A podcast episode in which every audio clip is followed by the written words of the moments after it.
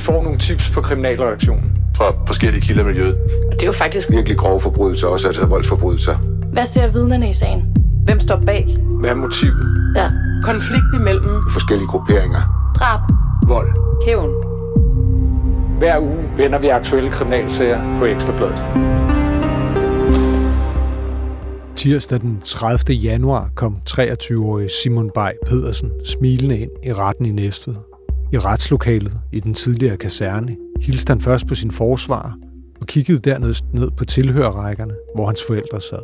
Den yngre mand har gennem længere tid været tiltalt for drabet på en banditersrokker, som han har skudt i hovedet på Klodshold den 25. december 2022 på en øde, bælmørk og pløret grusvej i udkanten af Næstelsø, få kilometer fra Mogenstrup på Sydsjælland.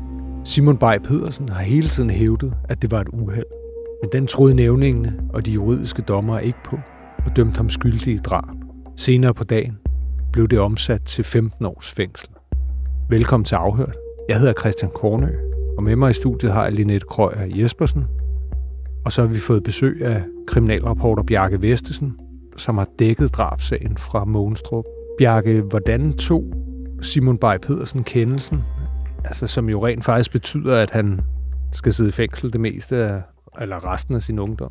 Ja, i modsætning til, da han kom ind fra morgenstunden og smilte og hilste glad på sin forsvar og kiggede ned på sine forældre, så var han jo anderledes alvorlig, da så selve strafudmålingen øh, skulle afsiges af, af retten af de tre juridiske dommer og, og de nævninger, fordi det har været en nævningesag.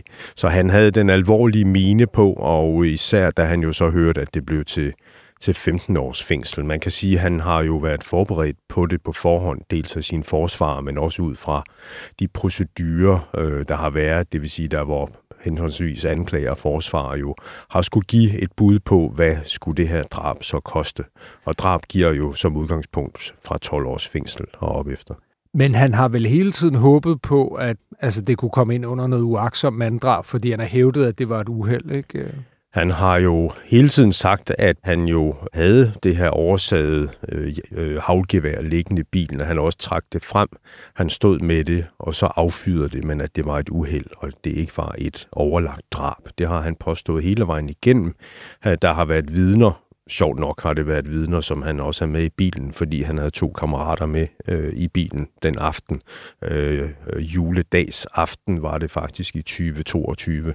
Når vi taler om en nævningesag, så bliver der jo først afsagt en skyldkendelse, og derefter strafudmåling, hvis øh, nævningetinget vurderer, at vedkommende er skyldig i det tiltalte.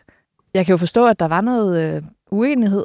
Ja, der var dissens, det vil sige uenighed mellem øh, dommer og nævninge. Der var et flertal af dommer, alle de tre, øh, de tre juridiske dommer, øh, og så et flertal af nævningene, som, som jo mente, at han var skyldig øh, i drab.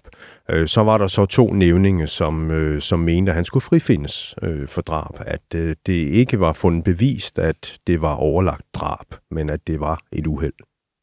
Og det er jo egentlig det er ikke usædvanligt, det sker mange gange, og så er det jo en flertalsafgørelse, som, som vi er ude i. Men, men det vil sige, at der var jo uenighed ud fra de beviser, de øh, vidneforklaringer, som der har været i den her sag, som, som jo altså har kørt i et stykke tid ved, ved retten i Næstved.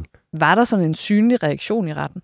Der var ikke nogen synlig reaktion øh, fra, fra hans side. Øh, han øh, er jo dømt øh, ganske mange gange tidligere, øh, den her trods alt unge 23-årige mand. Øh, den første dom øh, fik han faktisk, da han var 16 år gammel. Og nu siger du, at han er dømt før, men jo trods alt ikke for noget, der er så alvorligt som det her.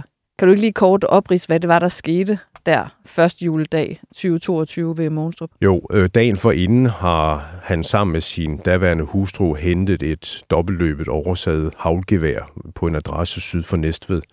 Øh, det har han så knækket og lagt øh, i en pose under førersædet, og da han så ligesom får en opringning fra den her 34-årige banditersrocker, som angiveligt vil købe noget kokain af ham, øh, så frygter han selv, at øh, han bliver lukket i et baghold af Banditos rocker, fordi han har en betragtelig øh, gæld til Banditos. Øh, hans daværende hustru øh, har været inde og fortælle, at han havde en gæld på 70.000 kroner, og han var et par uger forinden blevet gennembanket i et skovområde, netop fordi han skyldte dem penge. Så han frygtede, det var et baghold. Han kører ud på den her øde grusvej, øh, har to kammerater med i bilen sådan som backup, hvis der skulle ske et eller andet. Og øh, omkring kl. 18.55, der mødes han så med den her 34-årige banditosrocker. Og i det banditosrockeren øh, er steget ud af sin Mercedes-bil og går hen øh, til den, den 23-årige, øh, så stiger øh, den 23-årige, altså Simon Bay Petersen, ud af sin bil, øh, har øh, det her oversaget havgevær med, øh, lægger det op på skulderen, øh, sigter efter det øverste af hovedet, og skuddet går af. Og det skud, der går af, det er jo så det, der har været diskussionen, hvorvidt det har været et uheld, eller om det var overlagt drab. Men han ligger det simpelthen til skulderen og, og altså, laver et sigtet skud. Altså, det taler jo imod det her med, at det skulle være et uheld. Og det er jo netop det her, øh, altså er det et uheld, eller er det overlagt drab, som er, altså, om, har været omdrejningspunktet gennem hele den her sag. Og det ved jeg, at du også øh, talte med, med anklageren omkring. Skal vi lige høre, hvad, hvad han siger? Der var jo det element, at det ret tydeligt øh, fra start stod klart, at det var øh, den nu domfældte, der havde affyret skuddet. Så det springende punkt var jo, om det var, som han selv sagde, at det oversaget jagtgevær gik af ved et uheld, eller om det var med forsæt til drab. Og øh, ja, det var jo måske øh, en meget koncentreret problemstilling. Det kan godt være, at drabsager normalt øh, ikke behøver at være så koncentreret.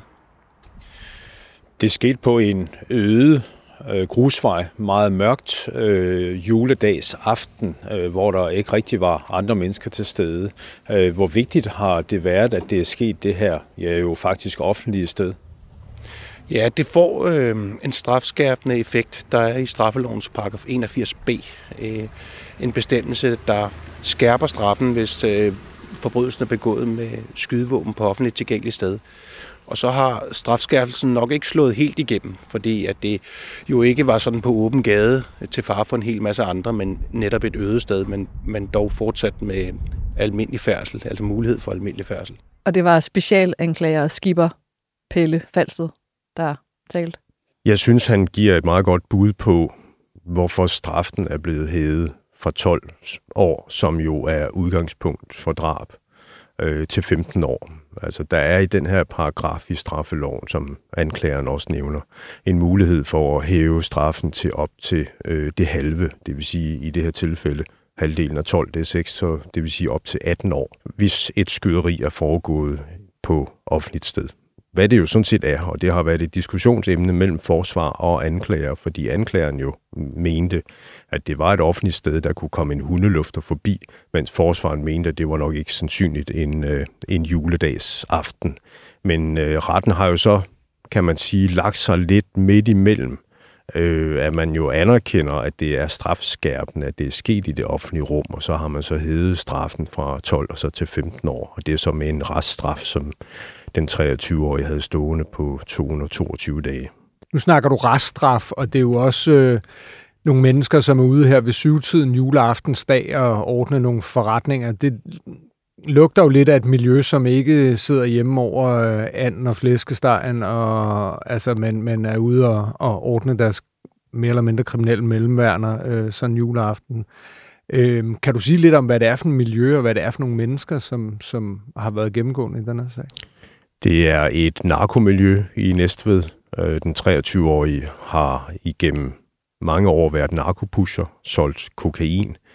Øh, han øh, har haft den her forretning kørende, og netop i stedet for at sidde hjemme ved familien, så var han altså også ude her for at skulle levere noget kokain eller lokkes i baghold. Det ved vi jo ikke præcis, hvad der var, der skulle ske den juledags aften, men han er kendt for kriminalitet. Han fik sin første dom, da han var 16 år øh, for besiddelse af euforiserende stoffer. Det vil sige, narko har jo altså været en, en del af den øh, unge mands liv igennem adskillige år.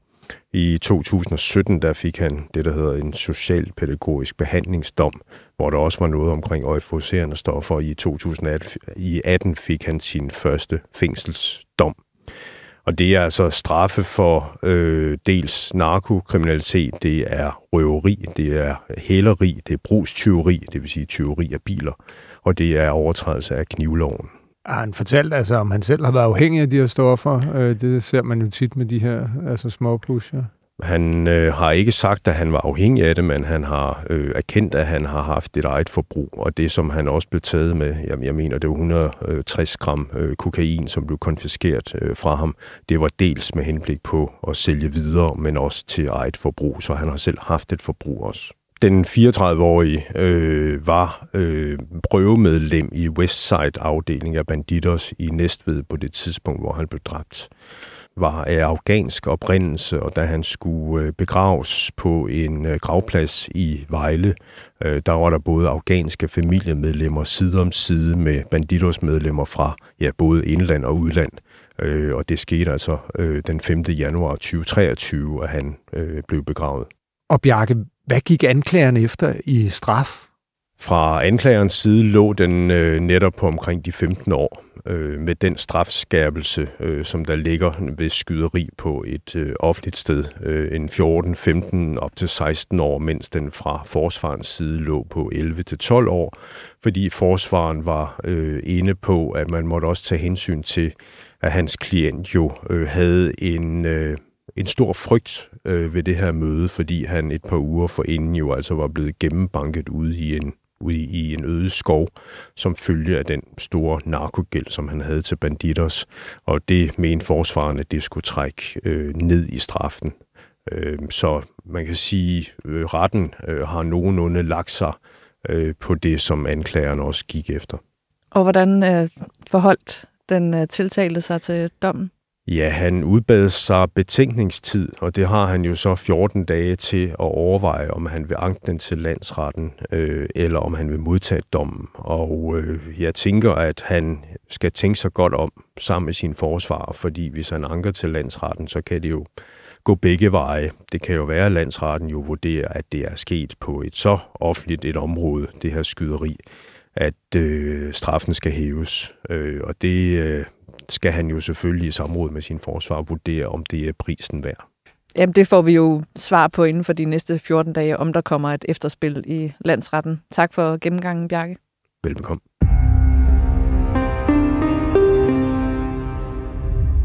Et kæresteforhold mellem en yngre advokatfuldmægtig og Loyal to Familia-veteranen Stefan Gårdbo Danielsen har ført til, at kvinden nu selv sidder på anklagebænken i retten på Frederiksberg.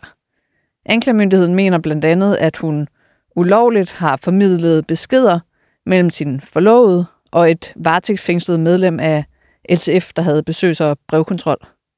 Onsdag startede sagen i retten, hvor Cecilie Erland var til stede. Og nu er du med her i studiet, Cecilie. Ja, tak. Hvad er konkret en advokatfuldmægtigs rolle? Jamen, en advokatfuldmægtig bliver jo ansat på et advokatkontor, efter at personen først har fået en jurauddannelse og uddannet jurist, så kan de søge den her stilling. Og så er det som en slags læreplads i løbet af tre år, hvor man er rigtig, rigtig meget med ind over alle sagerne. Nogle vil måske også sige, at man næsten laver mere end den færdiguddannede advokat, men for ligesom virkelig at være en del af arbejdet og, øhm, og prøve så meget som muligt. Og ligesom at lægge det fundament, som den uddannede advokat, han så bringer frem i retten. Ja, lige præcis. Og de er selvfølgelig også løbende til eksamener for at komme videre i det her forløb. Men, men jeg står for rigtig meget af det her research, der går ind i det, forbereder spørgsmål til vidner, forbereder øh, bevismateriale, øh, kigger alting igennem, og tager også ud og besøger klienterne løbende for at spørge dem, om der er noget, man kan gøre for dem, informere dem om sagen osv. Hvad er kvinden konkret tiltalt for? Hun er tiltalt for flere forskellige ting. Altså heriblandt øh, at have overtrådt sin tavshedspligt, begået embedsmisbrug, og så for at have lækket oplysninger til sin kæreste. Så hun er tiltalt for at have lækket oplysninger til Stefan Gårdbo Danielsen, som hun har været forlovet med i ja, mange år, om sin om hans varetægtsfængslede LTF-bror. Præcis. Altså lige i det tilfælde, der, der er simpelthen det her med, at hun, hun har overtrådt den her øh, bestemmelse om, at de mange varetægtsfængslede, og det var ham her på det her tidspunkt, de har brev og besøgskontrol. Det vil sige, at politiet skal øh, se alt og høre alt, samtale mellem dem og andre, og godkende, hvad der ligesom bliver, øh, bliver sagt, og kommer ind af, af information, og det er selvfølgelig alt sammen for at sikre sig, at der ikke er noget, der går ud over øh, retssagen i sidste ende. Kvinden, hun arbejdede på det advokatkontor, hvor at det varetægtsfængslede LTF-medlem var repræsenteret. Ja. Hvad er det, anklagemyndigheden konkret mener, hun så har brugt den ansættelse til? Meget konkret så havde anklager Søren Harbo de her lydfiler, som blev afspillet øh, ved retten på Frederiksberg. Og det er øh, samtaler, der har været mellem den kvindelige advokatfuldmægtige og hendes forlovede på det tidspunkt, Stefan Gorbo Danielsen. Der er på det tidspunkt afsonet i Endermark fængsel. Det er Ja. derfor, politiet har optagelser af deres samtale. Lige præcis. Kriminalforsorgen, de optager de her samtaler, og rutinmæssigt går de ind og lytter til dem, og det har de al ret til, og det skriver hun også under på. Så, og det forklarede hun også i retten. Hun var fuldt ud klar over, at det her blev, øh, blev optaget, og hun mener altså ikke, at hun gør noget forkert på de her øh, aflytninger. Men det, hun har sagt, det er blandt andet under en samtale, hvor man kan høre, at der var også en masse andet kærestesnak, øh, snak frem og tilbage, som handlede om hverdagens gørmål, om træning, om hvad man lige havde spist og den slags. Så sagde hun for eksempel, jeg skal til fængselsbesøg i morgen. Øh, og det skulle hun så, fordi hun repræsenterede øh, den her mand, som hendes øh, forlovede kendte. Og så siger han så, okay, jamen du må hilse ham og spørge, om der er et eller andet, man kan gøre for ham. Og der henviser hun til, at det ligesom er penge, tøj, noget i den stil. Og det siger hun, det skal hun nok. Og da de taler sammen igen, øh, og det her det sker i november 19, da de taler sammen igen, så siger hun så, at hun har ligesom spurgt ham, og der var ikke noget, han skulle bruge. Og herudover så øh, fortalte hun også, at han havde fået pengene. Øh, og hvad for nogle penge, eller hvem der har givet ham det, det kan man kun gisne om. Må ikke, at det er nogen fra Loyal to Familia, som har stået for det her. Og hvorfor er det, at anklagemyndigheden mener, at det her det er et problem? Jamen, det er det jo netop fordi, at han har brev og besøgskontrol, øh, den her varetægtsfængslede mand, og derfor så skal politiet læse breve, de skal være inde over, hvad for noget information, der kommer, og hvis de får, altså, øh, Stefan Gårdbo Danielsen, han kunne jo have selv have sendt et brev, som politiet kunne have læst og videregivet til øh, den her varetægtsfængslede arrestant. Men det led er jo ligesom blevet sprunget over. Og øh, herudover så mener politiet også, eller anklageren fremlag, at det er deres synspunkt, at hun ligesom bekræfter, at han overhovedet er varetægtsfængslet ved at komme med den her information. Og til det, der siger hun, jamen det vidste han i forvejen. Altså, de er begge to en del af Loyal to Familia. Han var blevet øh, fremstillet øh, få dage før under et åbent retsmøde i øvrigt. Så, så for hende at se, er der bare ikke et problem i det her. Og det mener anklagemyndigheden jo, altså der er. Og på samme måde, der mener hun også, at jamen, hun formidler jo bare, ligesom hvis hun normalt ville gøre med en klient, så kunne en, en anden pårørende jo også bare ringe til hende og sige, kan du lige spørge, om han mangler noget? Og i det her tilfælde, så øh, ja, spurgte anklageren jo, om hun ikke øh, blandede noget privat og noget arbejde sammen, og hun, som hun sagde, jamen, for hende, hun følte bare, at det var en slags to i en. Ja, der var noget privat, men det var også bare helt inden for skiven i forhold til arbejdet, at man lige havde en pårørende, en kammerat, familiemedlem, som spurgte, om ens klient skulle bruge noget, og det var helt normalt. Så hun erkender altså det faktuelle, men nægter, at det skulle være ulovligt. Ja. Og hvad fremgik der mere på optagelserne?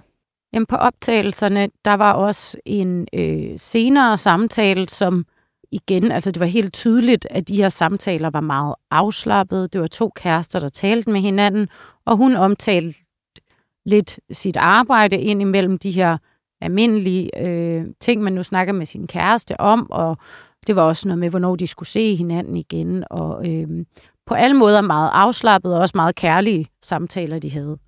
Og Jeg på, kan forstå øh, nærmest øh, overkærlige Ja, altså der var i hvert fald et tidspunkt, hvor at øh, retsformanden, han lidt rødmende øh, sagde, at vi nok strengt taget havde fået mere information, end vi havde brug for. Om der, der var nok også en, en enkelt samtale, man lige kunne have, have sluttet lidt før, uden det gik ud over bevisbyrden. Men, øh, men sådan er det jo nogle gange i de her øh, retssager, at der kommer jo alle mulige personlige ting frem øh, som en slags altså øh, bivirkning af, at, at man nu er i retten tiltalt for et eller andet andet. Altså det, det har vi jo nok alle sammen oplevet, at man sidder og, og, øh, og godt kan se, at der, det for den person, der sidder i midten af lokalet, er lidt ømt, det der kommer frem. Men, øh, men ja. Men yderligere under en anden samtale, der siger Stefan Gårdbo Danielsen så, jeg tror, jeg har et, øh, et trumfkort til dig. Kan du ikke prøve at spørge de panser, altså nogen, der skulle ind og vidne i den her retssag, kan du ikke prøve at høre dem, hvorfor de overhovedet kommer der ned? De må da ikke rense af et, på, en, på et privat sted. Øh, hvor til hun så svarer, jo, jo altså det, det, det må de godt. Det, det ses som et, et åbent rum. Øh, og, øh, og, og det, det er ikke rigtig noget godt argument, men han bliver ved med at sige, ah, det synes jeg måske lige, du skal spørger ind til, og, og det siger hun så, at det, det kan jo måske egentlig også godt være. Og her er det anklageren, øh, ligesom mener, jamen om det er åbent eller lukket rum, eller hvem der må komme ind og rense af der, det er jo ting, hun har fra sagsakter, som er altså umiddelbart lukket, og som er øh, ikke er noget, hun bare må sidde og fortælle om. Selv siger hun, at, at det er mere sådan en generel betragtning, hun kommer med om, hvor og hvornår man må, må rense af. Og nu hvor vi været omkring det, skal vi så ikke lige få fastslået, fordi jeg kaldte jo Stefan Gårdbo Danielsen for en LTF-veteran i introen. Mm. Hvem er det, han er? Jamen, Stefan Gårdbo Danielsen er jo en af et, øh, hvad kan man sige, en minoritet i Loyal to Familia, som er etniske danskere. Der er altså faktisk en, en hel del, øh, og det har der egentlig været fra starten, men de er klart i, i undertal. Og han har ifølge vores oplysninger været en del af banden i rigtig mange år, altså vi snakker nærmest helt tilbage fra starten i 2013.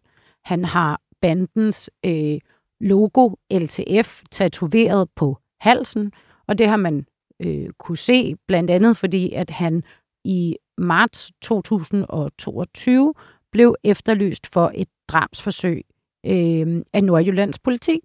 Og her der har de så øh, vedhæftet det her billede, hvor man kan se den her øh, lyshårede og blåede mand med den store LTF-tatovering på halsen være affotograferet. Og det er jo her, vi skal forstå, at de forhold, som den advokatfuldmægtige, hun er tiltalt for, de går tilbage til øh, 2019. Ja. Altså, de er altså fire år gamle, og det var derfor, at Stefan Gårdbo Danielsen på det tidspunkt afsonede i Indermark fængsel, men jo altså så er kommet på fri fod senere, og ifølge politiet jo så altså har en rolle i det her knivstikkeri. Ja, det er fuldstændig rigtigt. Altså, og i mellemtiden så er hans afsoning afsluttet, han har været på fri fod, og nu er han så efterlyst igen. Og det har han jo så været siden Nordjyllands politi. De efterlyste ham med navn og billede øh, tilbage i marts 2022. Øhm, så, så man kan sige, det ved vi i hvert fald om ham, at han lige nu er efterlyst. Og han blev faktisk pågrebet øh, samme år, i november mener jeg det var, i Libanon hvor at man øh, altså fandt ud af, at han var rejst til. Han var også forholdsvis åben omkring det på sine sociale medier. Og øh, det, der så sker, det er, at han bliver anholdt, men han, han af en eller anden årsag, og det kan jeg ikke rigtig få helt svar på, hvorfor at han så bliver løsladt igen. Men det skete angiveligt efter tre måneder, han blev løsladt igen, men han kan muligvis ikke forlade landet bare lige sådan. Og så kan jeg forstå på din dækning, at det menes, at han fortsat er i Libanon. Ja, øh, han skulle være en del af den her lille håndfuld danskere, der befinder sig i øh, Libanon i sådan en palæstinensisk flygtningelejr, ikke så langt fra Beirut, hvor at øh, Loyal to Familia har sådan en lille afdeling, faktisk også med et slags klubhus, hvor der er nogen, der er der mere fast, og så er der nogen, der ligesom kommer der til, fordi nu skal der være bryllupper eller andre arrangementer, og så rejser de sådan lidt frem og tilbage. Men, men der, skulle han, øh, der skulle han ligesom opholde sig for nu.